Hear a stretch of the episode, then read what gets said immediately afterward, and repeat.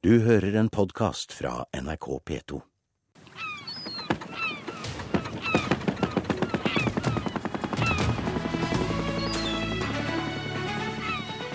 Politisk sommerintervju i Nyhetsmorgen. Mitt navn er Alfred Bjørlo. Jeg er 42 år. Jeg er ordfører for eh, Venstre i Eid kommune og stiller på nytt som eh, ordførerkandidat ved dette valget.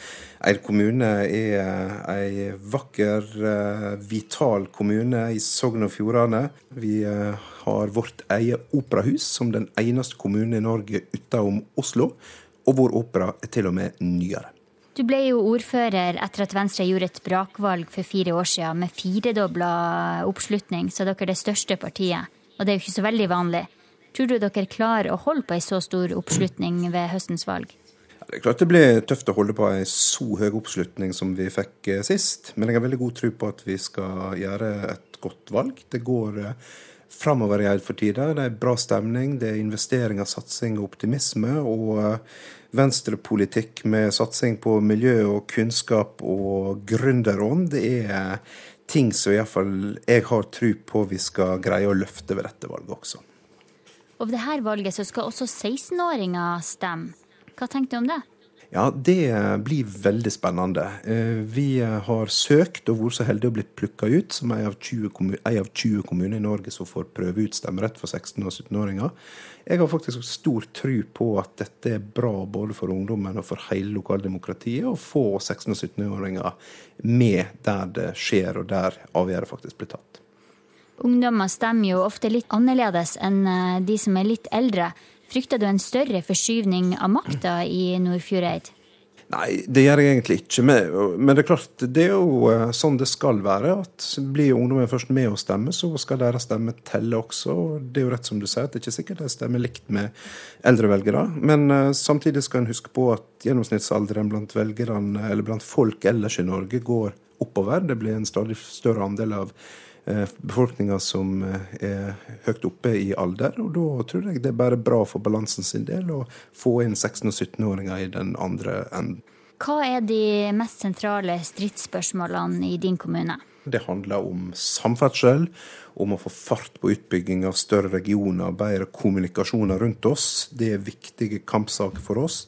Det å eh, få på plass statlige kompetansearbeidsplasser Eh, I vår region har vi opplevd at en eh, over tid har mistet eh, statlige kompetansearbeidsplasser, mens det i en storby som Oslo har blitt 7000 flere. Det å få snutt den trenden og få på plass et bredere arbeidsplassgrunnlag er utrolig viktig. Ønsker du at din kommune skal slå seg sammen med andre i neste periode? Jeg er personlig positiv til, eh, til, eh, det. Eh, jeg tror at skal vi lage slagkraftige og attraktive regioner som ungdom vil bo i og leve livet sine i i framtida, så må vi få gjort noe med 50 år gamle foreldre og kommunegrenser fra en tid da nær sagt folkevogna var den vanligste bilen og veiene var grusveier det ikke an å møtes på. Altså Verden har gått framover kommunestrukturen og regionene må følge etter. Og jeg skulle nok ønske meg at vi får til skikkelig store, slagkraftige nye kommuner her i Nordfjord og andre plasser, som gjør at vi har store, gode fagmiljø og uh, nær sagt får slutt på den litt sånn småkivinga mellom bygde og kommune, som jeg tror i det lange løp er, er problematisk, særlig ute i Distrikts-Norge. Jeg forstår det sånn at dere ser på sammenslåing med kommuner lenger ut og lenger inn i Nordfjorden. Er det riktig? Ja, det er helt korrekt. Ehm, I Nordfjorden eh, er det nå to prosesser på gang. En med å se på kommunene, nye kommunestrukturer for kommunene i ytre og midtre, og en prosess for kommunene i midtre og indre. Og Da skisserer du en eh, konstellasjon som plasserer din egen kommune i midten. Hva slags fortrinn kan det gi Eid?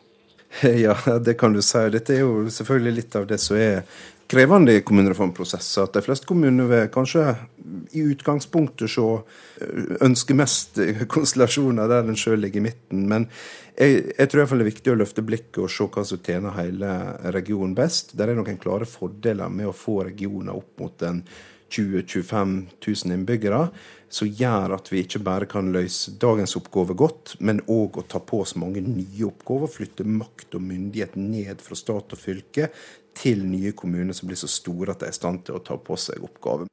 Hvis du får makta igjen nå ved valget, hva er det viktigste du vil gjennomføre?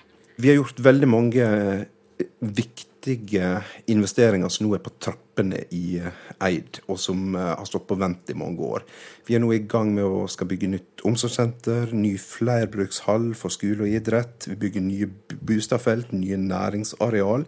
Det vil være investeringer i Eid nå på trappene for opp mot 1 milliard kroner de neste tre åra. Det er veldig, veldig mye for ei eh, distriktskommune med 6000 innbyggere.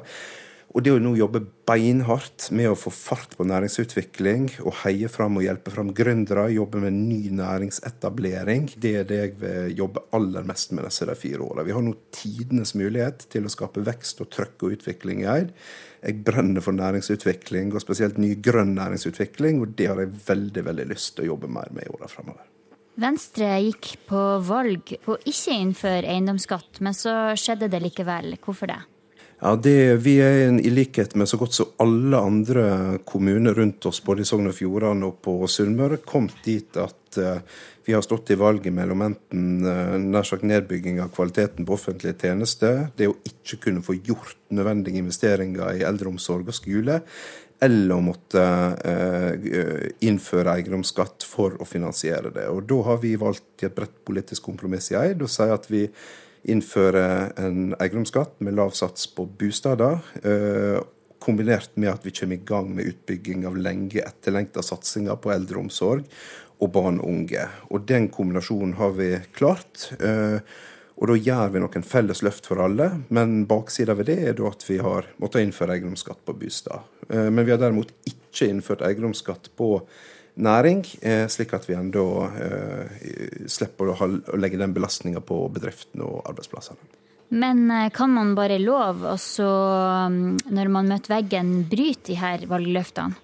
Jeg tror de fleste lokalpolitikere over hele landet opplever det at uh, du kommer i noen valg utover i perioden der du enten ikke får gjennomført de satsingene du har gått til valg på å prøve å få gjort. Vi har da gjort det valget i et bredt flertall i kommunen med at vi sagt at vi innfører eiendomsskatt, men da skal vi ha gjennomført de store investeringene vi har lovt velgerne å få på plass, og det går vi nå i gang med å få gjort. Og det, Vi står for de valgene vi har gjort, og så er det valg hvert fjerde år, og så får folk ta stilling til om de mener vi har gjort rett eller ikke.